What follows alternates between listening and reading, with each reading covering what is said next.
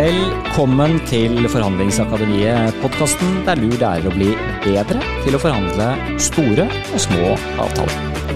Mitt navn er Eivind Arntzen, og til daglig jobber jeg som advokat og partner i Varder advokatfirma i Oslo. I mange av episodene her på Forhandlingsakademiet så går vi gjennom forhandlingsteorier og illustrerer med forskjellige eksempler. Mens i denne episoden skal vi følge et litt annet opplegg ved at vi skal se på en spennende forhandling som fant sted i 2020, og se på hva vi kan lære av den. Vi skal også snakke med en av de som deltok på denne forhandlingen, for virkelig å få innsikt hva det var som skjedde. Og det er en ganske spektakulær sak vi skal se på. Den er hentet fra norsk politikk. Eh, jeg vil gjerne presisere det, at eh, denne podkasten er politisk nøytral. Mitt anliggende med denne episoden er ikke å si eller mene noe om partipolitikk som sådan, men utelukkende å trekke den fram for at vi skal kunne lære av saken. Og den saken vi skal se nærmere på, det er den såkalte oljeskattepakkesaken, som eh, har fått eh, en del oppmerksomhet eh, i media denne våren. Jeg har i researchen til denne episoden stort sett bygget på kilder fra bl.a. eller innhold fra NRK, VG og Aftenposten, så det er hovedkildene mine. Og la meg gi deg en kort oppsummering av sakens bakgrunn. I mars 2020 traff pandemien eh, verden og Norge, og et av de markedene som var berørt, det var olje- og gassindustrien, som opplevde at oljeprisen falt ned mot 20 dollar fatet. I den situasjonen så startet industrien et lobbyarbeid opp mot politikerne for å få på plass økonomiske løsninger som skulle sikre sysselsettingen. Aker tok styringen i dette arbeidet ved å først få utarbeidet et notat som var skrevet av et eh, stort norsk advokatfirma, og hvor det ble foreslått endringer i petroleumsskatten. Dette forslaget ble ganske raskt adoptert av Norsk olje og gass og LO, og ble så utgangspunkt for forhandlinger på Stortinget. I forhandlingene så var det politikere fra mange forskjellige partier som deltok, fra Høyre, Arbeiderpartiet, Senterpartiet og Fremskrittspartiet blant annet, eh, og det ble forhandlet fram en pakke som skulle da ha som formål å redde arbeidsplasser. Og Enden på denne prosessen var altså at det ble laget en skattepakke som både har gitt, men også fortsetter å gi betydelige skattereduksjoner på, for, eh, på investeringer som foretas av selskapene, og dette fortsetter nå selv om eh, bransjen for lengst har hentet seg inn, og oljeprisen i dag ligger på godt over 100 dollar fatet. Denne pakken den var i første omgang ment å gi om lag 8 milliarder i skattelette. Et år senere så estimerte departementet at tallet var ca. 10 milliarder, Ingen kan i dag si hva pakken kommer til å koste, men uh, ut fra de kildene jeg har nevnt, så er det bred enighet om at uh, det blir uh, snakk om betydelige beløp, og, og, kan også være mye mer enn disse, disse milliardene. denne pakken har jo da fått mye kritikk nå i nyere tid, og spørsmålet man stiller seg er jo om den var nødvendig. Daværende statsminister det var jo Erna Solberg. Hun har eh, nå i ettertid eh, Hun har altså vært sjeldent, eh, sjeldent og for så vidt veldig prisverdig ærlig og åpen og sagt at skattepakken den var en feil. I mai 2022 så sa Solberg til NRK at jeg tror de fleste av oss kan se at med de høye oljeprisene vi har nå, så har det vært helt unødvendig. Men det visste vi jo ikke da. Videre sa Solberg at dette må vi ta på kappen for at norsk politikk gjorde en feil ved at man stimulerte for hardt på tidspunktet fordi man eh, var redd for å se et helt annet bilde. Jeg har vært i kontakt med Solberg i forbindelse med research til denne episoden. Hun hadde da tatt ferie og ønsket ikke å komme med kommentar. Tilbake til saken. Hvorfor er denne spennende ut fra et forhandlingsteoretisk ståsted? Jo, en av de som var skeptisk til det som skjedde da pakken ble til, det var Kari Elisabeth Kaski fra SV, som nylig sa følgende til VG. Det var ingen grenser i forhandlingsrommet, det bare eskalerte. Det var ingen gode argumenter for det heller, for oljeprisen hadde jo allerede begynt å stige igjen. Og da jeg leste denne uttalelsen, så tenkte jeg at uh, dette her er jo rett og slett veldig spennende. Uh, dette er noe som uh, vi må undersøke litt nærmere. For hva skjedde da egentlig i dette forhandlingsrommet der pakken ble laget? Hvordan kunne man ende opp med å gi denne pakken, som altså ifølge daværende statsminister Erna Solberg selv mente at nå i ettertid i hvert fall, at var helt unødvendig når man ser på eh, situasjonen i dag. Så for å finne ut mer om det som eh, skjedde, så har jeg rett og slett tatt turen til Stortinget for eh, å ta en prat med Kaski. Mitt mål med denne samtalen det var da både å selvfølgelig snakke mer om saken, men også å bli litt bedre kjent med Kaski som forhandler. Hun er jo en eh, politiker som har kommet høyt opp på oppmerksomhetsskalaen sikkert til mange i de senere årene, senest nå i forbindelse med budsjettforhandlingene. Blitt en veldig tydelig politiker for partiet. Jeg tenkte at det var spennende både å høre om denne saken, også for å se om vi kan lære litt av henne og hennes erfaringer med forhandlinger. Og med det så går jeg til, eller hopper vi til samtalen med Kari Elisabeth Kaski. Hjertelig velkommen hit til Forhandlingsakademiet. Tusen takk. Det er veldig gøy å bli invitert. Det er veldig gøy at vi kan snakke om dette temaet. Og jeg må jo si dette er en sak som har gjort at jeg har klødd meg litt i hodet. eh, fordi det er, en, altså det, er en, det er, en, stor sak, det er en viktig sak. Eh, I norsk politikk så er den, eh, sånn som jeg kan forstå, ganske spektakulær. Mm. Og du har jo da, som, som, jeg akkurat nevnte her, sånn, sagt til VG at når det gjaldt disse forhandlingene, så var det ingen grenser, grenser i forhandlingsrommet det bare eskalerte. Mm. Og derfor så er jeg veldig nysgjerrig, eh, nå som jeg har mulighet til å høre litt hva som ikke skjedde. Eh, kan du fortelle om denne prosessen? Ja, det kan jeg. Det er jo Man må jo liksom tilbake til egentlig våren 2020 og tror jeg, for å forstå også hva det var som skjedde, bare liksom huske litt hvordan den våren var. For det har jeg liksom tenkt veldig i ettertid at det var jo prega i stor grad av en koronavår med nedstenging. Vi hadde allerede behandla enorme krisepakker i milliardstørrelse. Eller mange titalls milliarder i realiteten. Det hadde gått veldig, veldig fort. Uh, og, og, tida var jo prega av ekstrem usikkerhet. Um, så er det jo utpå den, i, på den våren, altså i mars-april, så faller jo også oljeprisen ganske mye. Um, og, og, det blir eh, også usikkerhet i oljeindustrien da, på liksom, hvordan situasjonen kommer til å bli framover. Og det ble snakk om også en krisepakke for oljeindustrien. Mm. Og det eh, eh, som jo da skjer, er at regjeringspartiene tror jeg liksom blir litt pressa til det òg. Det blir en sånn dynamikk her på Stortinget eh, der opposisjonen i realiteten har flertall. Eh, Riktignok. Eh, altså, da Arbeiderpartiet, Senterpartiet, Frp har flertall, og så var jo SV med i de flertallene i, i mange runder i de andre krisepakkene, men de tre partiene har flertall mot regjeringspartiene. Mm. Og det tror jeg i seg sjøl bidro til at regjeringa følte de måtte komme med noe mot olje. Mm eh, og ble pressa til det, og legge fram en sak for Stortinget som er midlertidige endringer i oljeskatteregimet som, som, ville gitt betydelige likviditetslettelser da, i realiteten til, til oljeselskapene. Mm.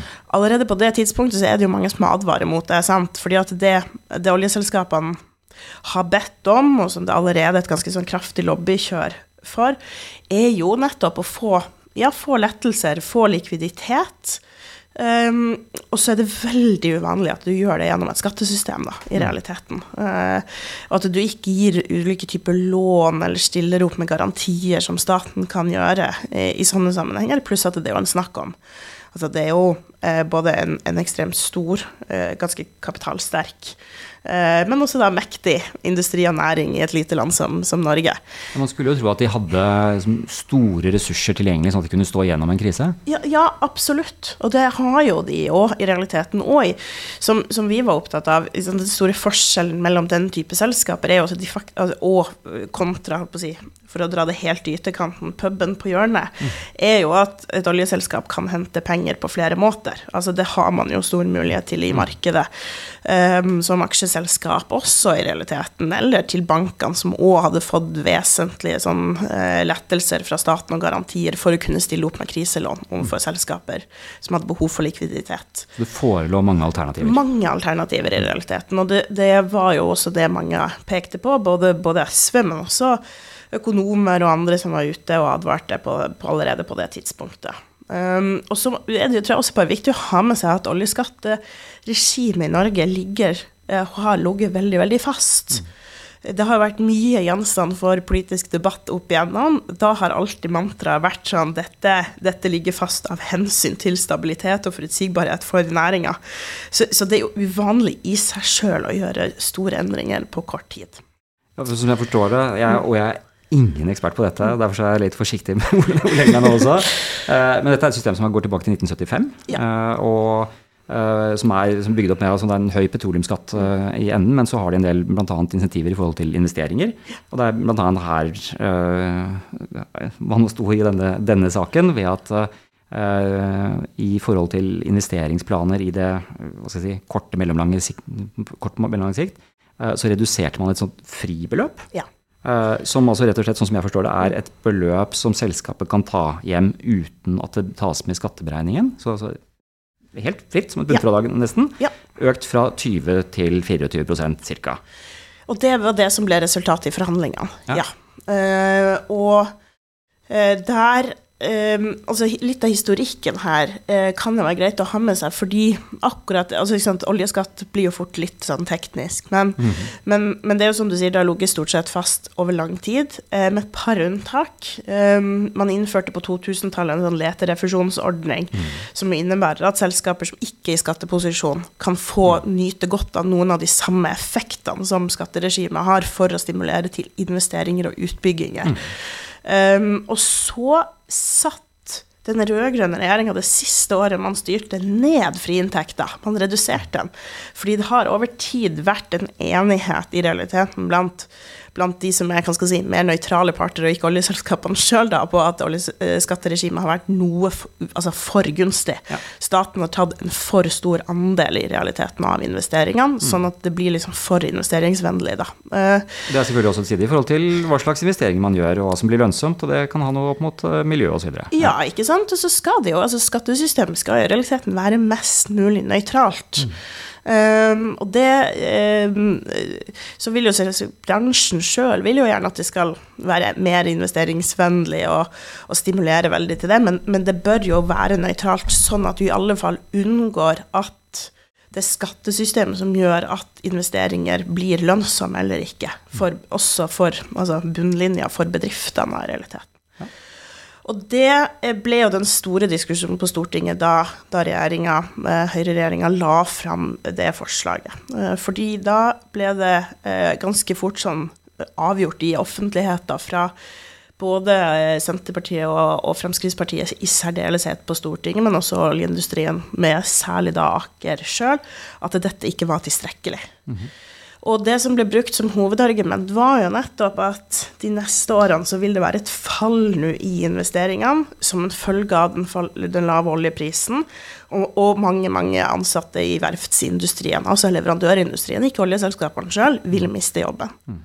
Så, så hører det med til historien at det var allerede forventa et fall i investeringer de kommende årene, i realiteten. Og oljeindustrien er jo en syklisk industri som, som eh, Ja, det går opp og ned, og det vil være perioder der det er noe lavere investeringer, og så vil det øke igjen. Um, så, så, det var noe mye tall som ble liksom surra, surra sammen. Um, men, men, det som skjer på Stortinget, er jo at det blir et sånn rotterace i realiteten for å gjøre uh, pakka enda mer gunstig. Mm. Både ved at man da økte friinntekter uh, så mye som man i realiteten gjorde helt opp til, til 24 En 20 økning? Ja. Helt, eh, helt ekstremt. Og forbi det punktet der Altså det, var, det, var, helt åpenbart, eh, og veldig uttalt eksplisitt også fra Finansdepartementet sin side, at det i realiteten innebærer en subsidie mm. av oljeindustrien. Mm. Det er ofte at det blir kalt også fra miljøaktivister at oljeskatteregimet, sånn som det var, er subsidier av oljeindustrien. Det er ikke helt liksom, teknisk riktig, men med det midlertidige regimet er det samme, ja. helt Ja, og mm. med det midlertidige regimet er det heva over tvil en subsidie eh, i realiteten. Og staten tar en veldig stor andel av av kostnadene for nye utbygginger, en, en større andel enn det man eh, eh, bør. Fordi at det, det, det, innebærer i realiteten at det skattesystemet som gjør at tidligere ulønnsomme oljefelt ble lønnsomme. Mm. Og det var jo litt det jeg opplevde i forhandlingsrommet, at var egentlig formålet med mye av de forhandlingene for enkelte av partiene.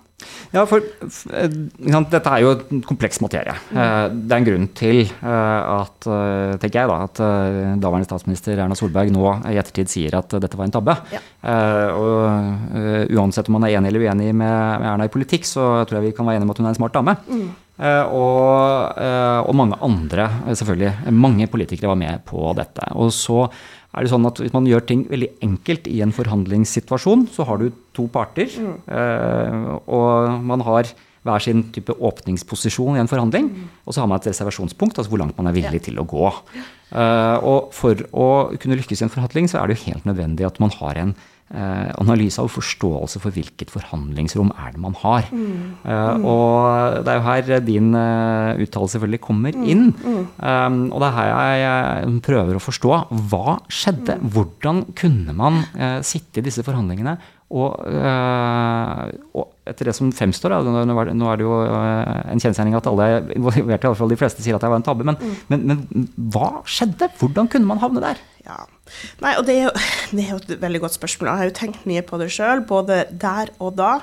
Um, der og da, så, så, og det har jeg liksom gått tilbake og sett litt på nå to år etterpå, også litt av notatene mine. Uh, så lurt å, å, spare på også for liksom både friske Det er jo historisk dokument. Ja, men det er jo faktisk uh, blitt det. Mm. Og um, det uh, Altså, det, det var en kombinasjon av flere faktorer. For det første så var det et ekstremt sterkt press utenifra. Og du kommer jo ikke bort ifra, tror jeg, at liksom lobbykreftene her det er en kombinasjon av både oljeindustrien i seg sjøl, som er ikke sant? Altså, Vi er et lite land med en mektig industri. Absolutt. Det påvirker politikken, utvilsomt.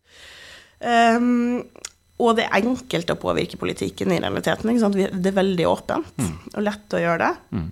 Men også det at oljeselskapene og fagbevegelsen gikk sammen. Mm.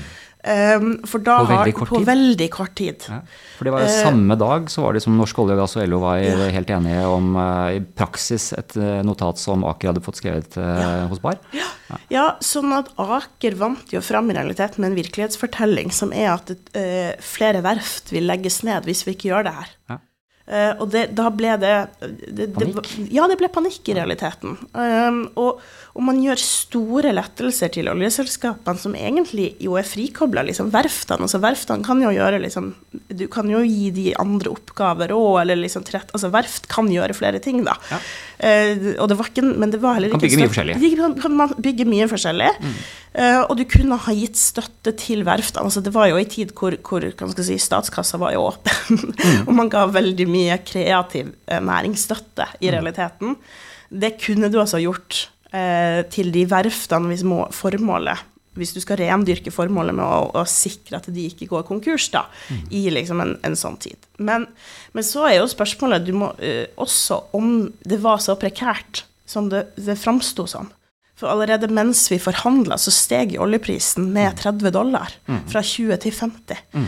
i realiteten. Og det er ikke noe lav oljepris i en historisk kontekst. Uh, oljeprisen har svingt mye før, og vi har hatt perioder med oljepris på 50 dollar fatet mange ganger i Norge opp igjennom. Så, så, det var også noe med Men man, man mista jo òg litt kontroll over virkeligheten. Og, og, det var så stor usikkerhet. Men nettopp i ei tid med betydelig usikkerhet skal du gjøre så store beslutninger, da. Så tenker jeg, mm. uh, Unnskyld, men det, tenker liksom um, forhandlingsrommet. Men mm. du har jo også en del av dette er jo også å se på alternativer. Du har vært litt inne på mm. dette. Verft kan lage forskjellige typer ting. og Hvis man prøver å skru uh, tiden tilbake, da. Uh, for dette begynte jo kort etter at korona kom. Ja. Eh, men så var vel, hvis min notat er riktig, så var det sånn i juni mm. Eh, dette ble eh, banket gjennom. Um, og det skjedde jo mye i verden på den tiden. Alle fly ble satt på bakken. Forurensningen ble redusert veldig. Det var som snakk om mm. Smogen var borte, blå himmel, ja. klart vann, delfiner. Sånt, sånn der, alt var veldig vakkert og fint. um, Og så sitter man og diskuterer mm. dette, som jo, avhengig av eh, hvordan man ser det, eh, kan argumenteres for at det er en form for subsidier til en, en forurensende bransje. Og så kan man gjøre andre ting. Det, det, må jo ha vært enormt med muligheter til å tenke alternativt. Det måtte være mm. tidenes mulighet til å bruke disse mm. milliardene um, på alle mulige andre mer grønne og fremtidsrettede formål. Ja. Og jeg regner med at det er noe som du altså med, med, din bakgrunn har vært veldig opptatt av også? Ja, og var opptatt av inne i forhandlingsrommet. Det, ja. SV var jo um, vi var jo opptatt av å sitte lengst mulig i forhandlingsrommet. Ikke for, altså sånn, det er jo, På et vis så var det jo allerede bar, bar det jo galt fatt når regjeringa bestemte seg for å legge fram en sak for Stortinget som innebar såpass store midlertidige lettelser i oljeskatten i utgangspunktet. Mm. Altså Jeg tror at mye kunne vært annerledes hvis regjeringa på et tidligere tidspunkt hadde bestemt seg for å heller gi lån til ja. oljeselskapene. Men så er også realiteten, tror jeg, at det var egentlig ikke Altså sånn, det var oljeselskapene, og særlig Aker, som utnytta muligheter til å få på plass eh, rammevilkår som gjorde at de kunne realisere oljefelt som Wisting-feltet i, i Barentshavet et ekstremt marginalt felt som, som, der man sleit voldsomt med lønnsomheten, men som ble lønnsom som en direkte konsekvens av, av, endringene i den midlertidige oljeskatten. Og man satt jo i forhandlingsrommet og finregna på hvor, hva må vi sette friinntekter til for at Wisting skal bli lønnsomt, Wisting og Noaka, to oljefelt. Og da hadde du egentlig mista litt perspektivet på hva, hvorfor var vi her. Mm. Hva, hva, var egentlig formålet med det? Bruker vi de beste virkemidlene nå for å klare å nå det formålet? For, fordi det ble omdefinert til at vi må få utbygd Wisting og Noaka-feltet, disse to oljefeltene som i realiteten er ganske marginale. Men dette er jo veldig interessant. Mm. For da sier du en ting er presset fra lobby, eh, og så har du også dette med at man begynner å fortape seg i enkeltdetaljer, ja. og kanskje mister ja. hele perspektivet. Ja. Ja, og, og, det var jo liksom på et tidspunkt der jeg, jeg hadde ja, både liksom Ja, vi la jo på bordet andre løsninger, og det var også kommet fra, fra flere faglige hold løsninger som, som, kunne vært et alternativ da, til de midlertidige skatteendringene, men det ble, ble egentlig aldri realitetsbehandla fordi det målet ble omskrevet i rommet. Mm. Uh, og så var jo jeg Det jeg var mest sånn overraska over, var jo at ikke Arbeiderpartiet og Høyre gikk sammen om å ha en sånn grense på hvor langt de kunne gå. Fordi det, tenker jeg i hvert fall sjøl som forhandler, at du må på en måte du må gå inn i et sånt forhandlingsrom og tross alt vite hvor går grensa. Absolutt. Du, du begynner ja, ikke på et hus nei. uten å vite som nei, du kan gå. Jo, ja. um, og hvor, hvor, hvor, setter du faktisk foten ned, mm. liksom? Uh, og det må kommuniseres. Men, men de gjorde aldri det. Og jeg prøvde egentlig å få Arbeiderpartiet og Høyre til å liksom snakke sammen med sånn Hvis de bare hadde satt foten ned, mm. så hadde ikke Fremskrittspartiet og Senterpartiet et parti på, på både henholdsvis liksom sentrum-venstre og på høyresida kunne presse ja, på den mm. måten de gjorde, da. Nei, for hadde de store ja. Eh, reservert seg, så, så, er det stopp. Så er det stopp. Mm. Uh, og så er det klart, de måtte jo ha stått for det utad, i mm. møte med fagbevegelse, i møte med industrien. Eh, og det hadde sikkert vært tøft, for det var et litt sånn mediespill her mm. parallelt. Og det tror jeg alltid det er lurt å prøve liksom, å unngå nå når jeg forhandler i statsbudsjettforhandlinger. Og sånn, fordi mm. sånn mediespill skaper forferdelig mye støy og, og fjerner fokus fra, fra, å finne de gode løsningene. Og det var litt det som skjedde i realiteten. Mm. Men, men gitt at Finansdepartementet advarte så tydelig, og gitt at jeg tror Arbeiderpartiet, også litt på bakgrunn av de uttalelsene jeg, jeg, jeg, hørte fra dem i mer sånn lukka og engere forum, de skjønte jo at det bar galt fatt i realiteten. Eh, og så klarte de likevel ikke å holde, holde igjen, da. Eh, og det mener jeg kanskje det sånn mest alvorlige, det som skjedde, var at både de to partiene som er styringspartier, har det liksom, hva skal jeg si, skal ta det langsiktige og brede ansvaret. De skjønner at de er med på noe som, som bærer galt vatt, og så mm. klarer de ikke å stanse det. Mm. Uh, ja, fordi at Fjellreglene ja. som uh, kunne kommet inn der sånn? Ja, mm. rett og slett. Ja. Det er også, uh, dette er jo nok en ting som er veldig interessant, da, fordi det, i, å prøve å analysere dette for det er jo, altså Noe av formålet med den podkasten er jo å vise en del av disse typiske tingene som skjer i forhandlinger. Ja. Og dette er jo også uh, en sånn veldig sånn menneskelig bias vi har i forhold til at vi har begynt på noe, ja, uh, og da skal man fullføre det. Mm. Pluss den der med at hvis du sier ok, da har vi tatt feil, da. Uh, det å skulle gå tilbake da. Du har investert tid, prestisje, mm. i en løsning. Det, å, altså, det er lettere å, å, bare tenke at man, nå biter vi tenna sammen og bare får det briste eller bære. I stedet for å ta det kloke valget som er å gå tilbake og si nei, vet du hva, dette her var feil, vi må begynne på nytt. Men, ja, nei, men, det tror jeg er reelt, altså, fordi Finansdepartementet var jo inne i forhandlingsrommet på et tidspunkt og advarer, ikke sant. Mm. Eh, og, og, de har advart i, i, gjennom svar på skriftlige spørsmål, og til en viss grad i det som står også i den opprinnelige saken fra regjeringa. Så, men det, det, var, det, det kommer for seint, da. For du har rett. altså Når man har først begynt på en vei, så, så var det vanskelig å komme seg ut av det, i realiteten. I hvert fall når, når så mye også skjedde parallelt ut av i det åpne, med liksom offentlig debatt rundt det. og um, Både Fremskrittspartiet og Senterpartiet hadde et veldig sånn sterkt uh, sterkt medieløp mm. i realiteten, sånn at presset ble større. Da. Ja. Og det kan, jo, det kan, jo, de utnytte. og det, det er jo på en måte liksom, uh, Det er det de gjør bevisst. De utnytter mediespillet også for å få makt i forhandlingsrommet, da. Mm. Uh, men um, ja, da klarte ikke Arbeiderpartiet og Høyre å stå liksom, opp mot det på et vis, da. Så uh, lobby, de mm. ekstraordinære omstendighetene, hele verden var jo liksom typen krisemodus. Ja. Uh, medie, ekstern støy. Det var, liksom, det var, mange faktorer. Men burde ikke altså, er, altså, Innenfor finanspolitikken så er jo noen av de mest erfarne politikerne gjerne, altså det, det, er, det, er, flinke folk, da. Ja. Uh, burde man ikke liksom, ha ballast nok til å kunne stå av stormen på en bedre måte? Jo, jeg mener jo det. Uh, og, og altså, hvis du er finanspolitiker, så er du jo i realiteten vant til også å si nei og være liksom Du kan ikke gi til alt? Nei, du kan ikke gi til alt. Og det er vi vant til å forsvare, egentlig i alle partier, på et mm. vis. Mm. Uh, både internt og eksternt. Um, og derfor så tror jeg at det var Dette hadde, tror jeg jeg tror ikke det her kunne ha skjedd hadde det ikke vært den forhistorikken med de krisepakkene som finansfraksjonen hadde forhandla fram til da gjennom koronavåren. Mm. For jeg tror at med det så ble grensene skjøvet så voldsomt mye. Slusene ble åpna på et vis. Man mista litt sånn perspektivet på ting. Mm.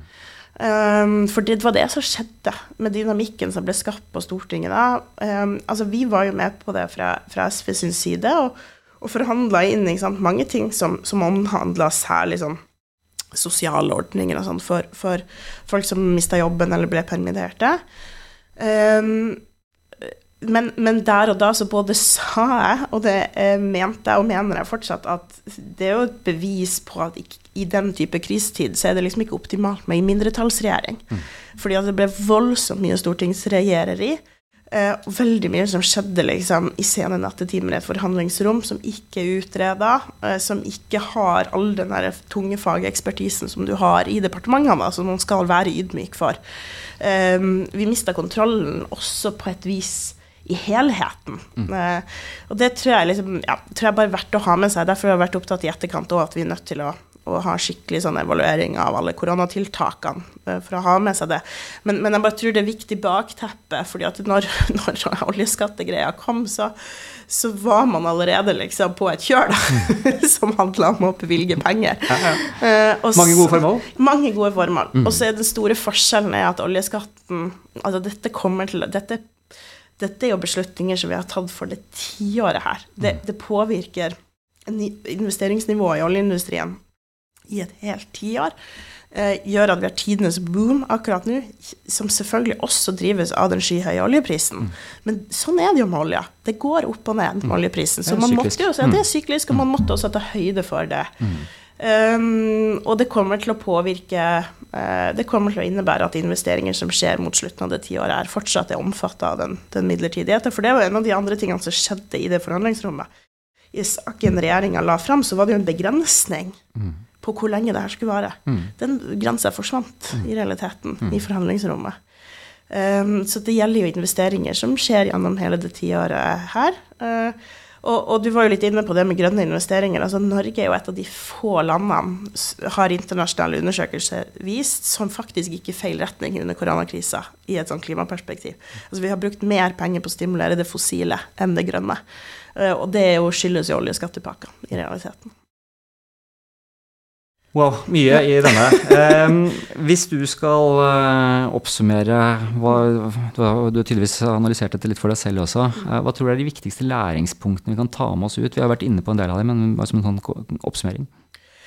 Jeg tror at Nei, det, det, er jo noen sånne basic ting som, som, er at man må For det første så tror jeg det er viktig å være uh, tydelig på, og fortrinnsvis også altså Selv om man kanskje ikke blir enig i et forhandlingsrom alltid på hva er formålet, hva er man forsøker å få til, så, så bør man etterstrebe det. Eh, og her ble jo formålet endra i realiteten fra det regjeringa la fram, til det som man forsøkte å oppnå i forhandlingsrommet. Mm. For regjeringa skulle gi liksom midlertidige lettelser til hele oljeindustrien, og så ble det egentlig snakk om liksom å få utløst investeringene på to felt. Mm. Man, man, beveget det, seg fra man, beveget, ja. man, hadde et utgangspunkt, og så ja. havnet man et helt annet ja. sted. Så det å ha Keep your eyes on the price. Ja, mm. kjempeviktig. Og mm. ble, betyr, alle ble liksom revet med i det på et vis, av de som, som til slutt inngikk avtalen. Og det andre er å ha den grensa. Vite det før du går inn. Være liksom Og hvis du skal bevege deg vekk fra den grensa, så må det i hvert fall skje eh, veldig i et Altså, det må være en bevisst beslutning som fattes, da. Mm. Eh, men, men, en sånn grense må man i realiteten ha. Eh, å holde fast ved den tror jeg er bare helt enormt viktig. Og så er det jo å klare å stå opp. Altså, eh, jeg tror at det er en sterk fordel at forhandlinger eh, Altså, må, du, forhandlingene skjer jo i et rom, og det skjer selvfølgelig ikke i et vakuum, fordi at alle har folk man mm. skal forankre bak mot, mm. og passe på at kan stå bak det. Og, ja. Mm. og at uh, partiene kan stå bak avtalen som til slutt inngås. Men jeg tror at det er en kjempesterk fordel at man klarer å lukke ute eh, veldig mye av de der eksterne tingene som skjer, både av spill i media og, og, og, andre krefter som forsøker å påvirke. Alt det kan skje i forkant av forhandlingene. Det er liksom sunt og bra, og du får inn mange viktige innspill. Men når forhandlingene først starter, da må man liksom lukke seg litt inne. Mm. Eh, fordi da må du konse også på det som skal skje i det rommet. og og ikke bli drevet med, for da, da mister man fort kontrollen. Ja. Klokt. Eh, du har akkurat uh, vært gjennom tre uker med mm. forhandlinger om revidert uh, forhandlingsbudsjett. Mm. Blitt omtalt som rundingsbøyen. Ja. eventuelt altså mm. viktig premiss for å få det på plass. Du har mange tunge forhandlinger, og du er jo altså, i forhold til mange her på huset, så er du jo relativt ung. Mm. Uh, men du får også veldig gode skussmål for dine forhandlingskunnskaper. Hvor kommer de fra? Nei, eh, det er jo veldig mye learning by doing, selvfølgelig. Jeg fikk jo krasjkurs under koronapandemien, på godt og på vondt. Mm. Uh, rett og slett. Det var jo de første sånn tunge forhandlingene jeg, jeg sto i. Så det er klart sånn, Siden da så har jeg forhandla mye, eh, fordi det ble mye gjennom koronaårene. Mm. Um, og det er nok vi har vært utrolig viktig erfaring å ta med seg inn i, i statsbudsjettforhandlinger, rett og slett. Mm. Både fordi at vi under koronapandemien forhandla på så Altså, det var så stor bredde av temaer. I alt fra arbeidslivspolitikk til næringspolitikk til skattepolitikk, ja. I det ene og det andre. Altså veldig, veldig stor bredde i det. Um, og så har jeg jo lest litt sånn forhandlingsteori også. Jeg syns jo det er litt sånn viktig å ha um, både litt ydmykhet på at det faktisk er et, et fag i mm. realiteten. Altså, det handler liksom ikke bare om å gå inn der og kunne politikken. Mm. Du må også skjønne liksom dynamikken i et forhandlingsrom. og og, og, ha det utgangspunktet at man skal forsøke å bli enig. Eh, og komme selvfølgelig alle, alle forhandlere vil jo skal få den best mulige dealen for liksom, seg sjøl og de man representerer, men, men klare å kombinere det opp mot at man skal komme fram til en enighet. Uh, Jf. også liksom pågående lønns, uh, lønnsforhandlinger. Absolutt. Også. Det er mange, mange sommerferier ja, som henger igjen til Trondheim. Det er det. Og det, det, tror jeg Ja, der har det vært nyttig å lese litt som forhandlingsteori. Mm. For å få litt ja, nettopp kjøtt på beina i, før man går inn, da. Mm. Hvordan uh, tror du du blir omtalt som eh, forhandler, eller hvordan vil du bli omtalt som forhandler? Hvilke egenskaper ja. er det du ønsker å ha? Godt spørsmål. Jeg, jeg syns jo altså, jeg synes det for det første er viktig å, å uh, være kunnskapsrik. Og det, og, det, er jo alltid en del av forhandlingsforberedelsene mine, er å, å vite at jeg kan alt jeg går inn i det rommet og forhandler om godt. Um, fordi det er en forutsetning for også å kunne forhandle i rommet. Ja. Uh, og at man ikke bare liksom har dette som står på papir, og det er det punktet jeg skal ha, men, men kunne saken godt nok til å kunne spille ball, da. Mm. Uh, og, og, faktisk se og lete etter muligheter i et rom over bordet. Uh, og, klare, og det å også se punkter opp mot hverandre, veksle ut noe i noe annet og forstå verdien av de ulike sakene. Uh, så, så, det å kunne det godt nok og, og, og, kjenne mitt eget bakland godt nok er en viktig del av det. Mm. Så jeg bruker enormt mye tid på de forberedelsene der. Snakke med folk i partiet, og skjønne sakene og alt sånt. lese meg opp. Jeg har så veldig mye notater. um, og så uh, er det jo viktig for meg også å være litt sånn ærlig eh, i forhandlingsrommet. Altså det, det, blir jo fort liksom veldig sånn, og det, det tror jeg liksom den der lettvinte måten å forhandle på er jo at det blir mye spill, ja. ikke sant. Og at man, man lager sånne ja, putter opp sånne At man tar på seg en maske, nærmest, liksom, og så lager man mye drama eller mye spill rundt det det, altså, til en viss grad så, så, blir det jo kanskje alltid litt sånn, men jeg, det er viktig for meg å være ærlig. Være ærlig på hva som er viktigst, være ærlig på dette kan vi forhandle på. Være ærlig på hva som er eh, no go. Altså mm. dette, dette, kan vi ikke vike på. Mm. Og at det skal fra et veldig veldig tidlig tidspunkt i forhandlingene være tydelig sånn at vi ser for oss en landingssone på et visst Men det må inneholde noen sånne sentrale punkter, da.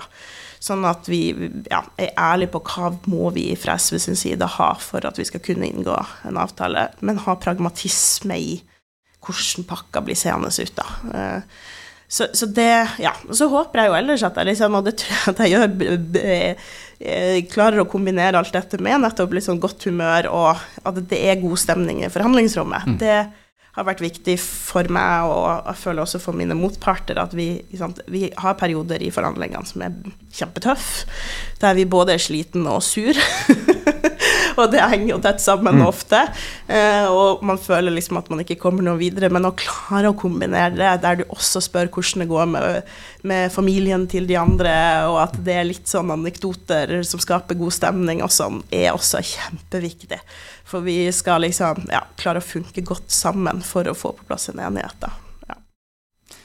For det er jo noen sånne hovedstiler. Det kan være veldig mm, basert på trusler, mm. Eh, eller man kan bygge tillit. ikke sant? Altså det er to veldig forskjellige ja. veier å gå. da. Ja. Uh, og hvordan, hvordan, man ønsker, og hva slags mm. stemning man ønsker å ha i det rommet. Ja.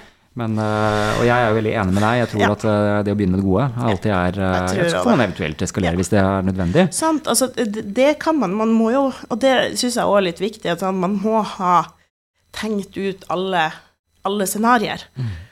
og du må liksom ha tenkt det til ytterkantene, på et vis, da. Så det er en del av forberedelsene er, er å se det. det ja. sant? Og det å, å, diskutere med folka rundt deg, og at man faktisk har tenkt ut eh, altså For vår del, da, når vi forhandler budsjett, så er det jo ytterkantene er jo sånn regjeringa stiller kabinettspørsmål, mm. eller vi må stemme imot og felle regjeringa. Altså, det er jo ja, ekstremt, ikke sant. Og du, du, jeg går aldri inn og truer med det, men du må ha tenkt gjennom det. Fordi du skal liksom forhandle seriøst. Og så, er mitt liksom, mål alltid å, ja, det skal være basert på liksom, trivsel og god stemning. Og så må man være ærlig på et tidspunkt da, på hvor en, en grense går òg. Eh, og liksom ikke være redd for det og vike unna fra det heller, da. Mm. Hva gjør du da når du møter noen som ikke har samme tankesett som deg? Som uh, kjører med den der klassiske hard bargaining-stilen? Nei, jeg forsøker jo veldig ofte både å ta ting litt ned.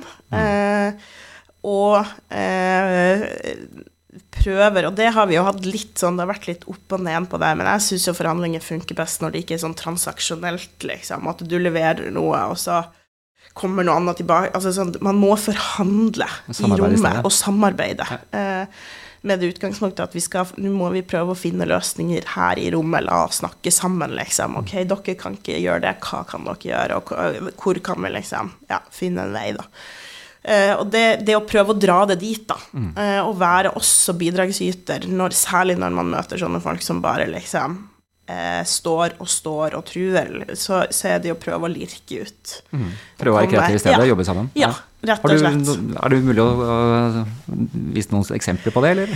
altså, jeg syns jo altså, har jeg, Vi har vært litt ulike folk som har forhandla, eller jeg har møtt litt ulike motparter gjennom de siste, de siste årene. Mm og eh, sett eksempler. Altså sånn, eh, jeg har sett eksempler òg på folk som bare krasjer. Eh, og et sånt kanskje litt åpenbart eksempel, men det er derfor jeg tror tør å bruke det òg, er jo eh, Sylvi Listhaug fra Fremskrittspartiet og Ola Elvestuen fra Venstre. Eh, for det var noen av de koronapakkeforhandlingene der du merker at sånn, de eh, har sikkert forhandla masse sammen i regjering, men mm. på et sånt nivå at nå klarer de ikke. de kommer ikke forbi at det er så stor uenighet. Og så tror jeg liksom bare at de ikke klarer å klikke personlighetsmessig heller. Og da funker det jo ikke. Da får du helt skjæring. Ja, helt skjæring. Og det, det, det, er egentlig fåfengt å forsøke å få til noe sammen. Mm. Fordi at de går bare inn i en sånn her tradisjonell politisk debatt, og det, det, går jo ikke, liksom. Da blir du jo ikke enig, hvis du skal sitte og liksom ha en Dagsnytt 18-debatt der. Mm. Eh, men så har du liksom de forhandling, andre forhandlinger der, og der eh, syns jeg jo egentlig at eh, vi har hatt flere gode eksempler de siste åra, og sammen med Arbeiderpartiet og Senterpartiet, som jeg forhandla med. altså både eh, fra Arbeiderpartiets side med Egil Knutsen og, og Sigbjørn Gjelsvik og, og, Geir Pollestad, som jo Og der, vi har nok blitt alle tre blitt flinkere også gjennom de siste forhandlingene. Du, du, må jo jobbe der litt sammen, kanskje. Men, men, at vi har gode eksempler på at vi klarer å, eh, å jobbe godt i rommet. Mm. Og finne sammen i rommet. Og, og eh, det beste er jo når vi eh, har god nok forankring bakover og, og, trygghet nok på hverandre til at vi kan sitte og flikke på, på både tall og formuleringer i rommet for å for å lande en avtale, da. Og det er jo det beste, når du kjenner at ok, nå kommer vi framover her, liksom. Dette er bra. Med fare for å høres litt ut fra sporten, men uh, hvordan føltes det når du uh, fikk mm. landet uh, budsjettet nå sist? Det var jo denne lange forhandlingen som ja. du har vært gjennom helt nylig. Ja, nei, det der er altså det, det føles jo veldig, veldig, veldig godt. Um, og så er det så rart med, for at når forhandlingene har vært så, så lange òg, mm. så det, men det kan gjelde også på korte forhandlinger. Hvis du har forhandla mye natt, som vi òg gjør en del, så blir det jo det, den der kombinasjonen av å være veldig letta, men òg utmatta. Mm. og så skal de jo få tatt det ut, og, og kommet ut med det og sånn òg.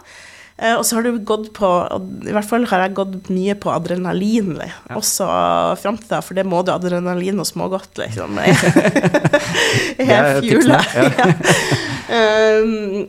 men, men, ja, nei, så, så, det føles eh, Det føles veldig deilig når du føler sjøl at um, her har vi liksom fått til noe bra. Ja. Altså, for det er jo klart, det henger jo litt sammen med sånn ble dette skikkelig bra?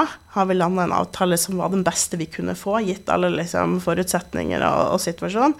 Eller, eller eh, ga vi for mye nå? Og, nå sist i revidert så, så, følte jeg ordentlig på at ok, men nå Dette var faktisk så langt det var mulig å komme. Uh, og det er godt nok til å lande. Ja. Uh, for mm. det er det som handler om winners curse, når ja. du føler at du har gjort en ja. veldig god avtale, men så etterpå så kommer den derre Hva er det jeg har gått glipp av? Ja. Ja, og det eh, det er jo noe vi Altså, vi har jo diskutert det litt, for at vi, SV i rollen vår på Stortinget akkurat nå, gjør jo at vi er i mange forhandlinger. Mm. Eh, eller potensielt, i hvert fall. Mm. Men noen ting må du jo velge bort òg. Mm. For du kan ikke prøve å forhandle på alt eller fikse alt. Og vi prøver jo, i hvert fall jeg syns det er liksom viktig å være ærlig på det òg. Hvis du prøver på alt, så får du ingenting. Nei, du får ingenting. Uh, og det blir liksom vassent på alt, da. Mm. Så du må heller liksom tenke at men da legger vi bort noen ting, er ærlig på det, og så kan vi kjøre på mm. på noen andre ting og sette inn, inn støtet der, da. Og da føles det òg bedre enn at det blir sånn tynt smurt utover, da. Uh, så man må, man må, prioritere og velge også. Også inne i forhandlingsrommet, selvfølgelig, på det man legger på bordet der. Mm. Hvis det er noen som sitter og hører på her nå og vil ha noen, liksom, noen gode tips fra deg uh, Nå har vi vært gjennom veldig mye ting her, da, men er det noen, uh, noen sånn helt sånn klare mm. tips du har til det? Det er jo litt det jeg har vært inne på allerede med sant, forberedelser. Det ja. Eh, tror jeg er viktig. Vite hvor langt du skal og kan gå. Ha baklandet med deg, altså de du forhandler på vegne av. Vite også hva de er opptatt av, sånn at du treffer. Det er farlig det der hvis du liksom sitter i forhandlingsrommet, så har du egentlig ikke mandat for det du gjør. Um, og, og, et siste tips er jo nettopp det som det siste jeg var inne på, altså det å faktisk prioritere og velge. Uh, jeg tror det er også enormt viktig, ikke sant, å, ikke tenke at du skal prøve å fikse alt eller forhandle på alt, men, men gå inn der med noen sånne klare, klare ambisjoner og prioriteringer. Og så gjerne være ærlig på det også. Mm. Eh, fordi det blir bedre forhandlinger når forhandlingsmotparten eh, skjønner hva du vil. Så det er liksom ikke noe poeng å holde tilbake kjempelenge på hva som du egentlig skal prøve å få til her. Det tror jeg er enormt viktig. Utrolig viktig. Ja. Det å ha den transparensen og ja. den tilliten i forhandlingene. Ja. Hvis ikke så blir det liksom proxy-forhandling hvor man ikke vet hva man egentlig løper etter. Det er akkurat det, og det blir så stor frustrasjon egentlig fra begge parter på det. Eh, så, så forhandlingsparten må vite eh, hva det er du, du eh, vil oppnå, hva det er du trenger. Mm. Og, og ja, klare å liksom tørre å være ærlig på det, tror jeg er kjempeviktig, rett og slett. Mm. Det er straks uh, sommer nå. Mm. Uh, jeg drister meg til å spørre helt på slutten. Ja. Uh, har du noe, du har, du har lest litt i forhold til forhandlinger mm. også, men hvis du velger helt fritt, hvis du skulle anbefale lyttere som er interessert i politikk eller forhandlinger, ja. har du en boktips å komme med? Oi, det var et godt spørsmål. Jeg, akkurat nå så driver jeg og leser det leser litt sånne gamle Både gamle og nye biografier. Mm. og jeg har lest meg egentlig gjennom veldig mange av de gamle Arbeiderparti-høvdingene sin, uh, sine biografier. Det syns jeg er gøy. Så det siste jeg holder på med nå, er faktisk boka om Martin Kolberg. Ja, så hvis jeg skal anbefale en bok, så jeg tror jeg det blir den. Uh, også litt gøy å lese, lese, fordi det er mye i nyere tid, og, og, og ja, uh, mange, mange ting som man kan huske sjøl at har spilt seg ut i den offentlige samtalen. Og så er det jo det er jo gøy å se litt mer bak kulissene på hva som foregår også i andre partier. Så det er alltid litt eh, Ja. Eh, både Ja. Eh, noen ting å ta med seg og lære av, og, andre ting å tenke at heldigvis så har vi ikke det hos oss. Og akkurat det med å kunne få vite litt av hva som skjedde i kulissene, det har jo vært formålet med dagens episode. Eh, tusen takk for at eh, du kunne være med, eh, Elisabeth Kaski. Og eh, gi litt bedre forståelse om hva som skjedde da milliardene satt løst for et par år tilbake. Eh, samtidig masse veldig nyttige råd som du hadde å dele. Så tusen takk for det. Takk skal du ha. Tusen takk for at du hørte på denne episoden av Forhandlingsakademiet. Vi er snart tilbake med en ny episode. I mellomtiden så ber jeg om én liten ting, og det er å huske å abonnere på podkasten. Trykk på abonner-knappen, så får du neste episode levert eh, så fort det er eh, en ny eh, episode som slippes. Og Har du allerede gjort det, så er det jo en annen ting du kan gjøre. og Da vet du sikkert hva jeg tenker på hvis du har hørt på podkasten før. Jeg er i hvert fall veldig veldig, veldig glad for alle dere som har lagt igjen reviews, ratinger, hva heter det på godt norsk, anmeldelser og stjerner på Apples podkastspiller. Det er uh, veldig bra, fordi det hjelper oss med å bli synlige, og det hjelper, at, uh, hjelper til å få podkasten ut til flere. Så tusen takk til alle som gjør det. Så lover jeg å fortsette med å lage innhold til deg, og jeg håper at vi høres om ikke lenge. Takk for i dag.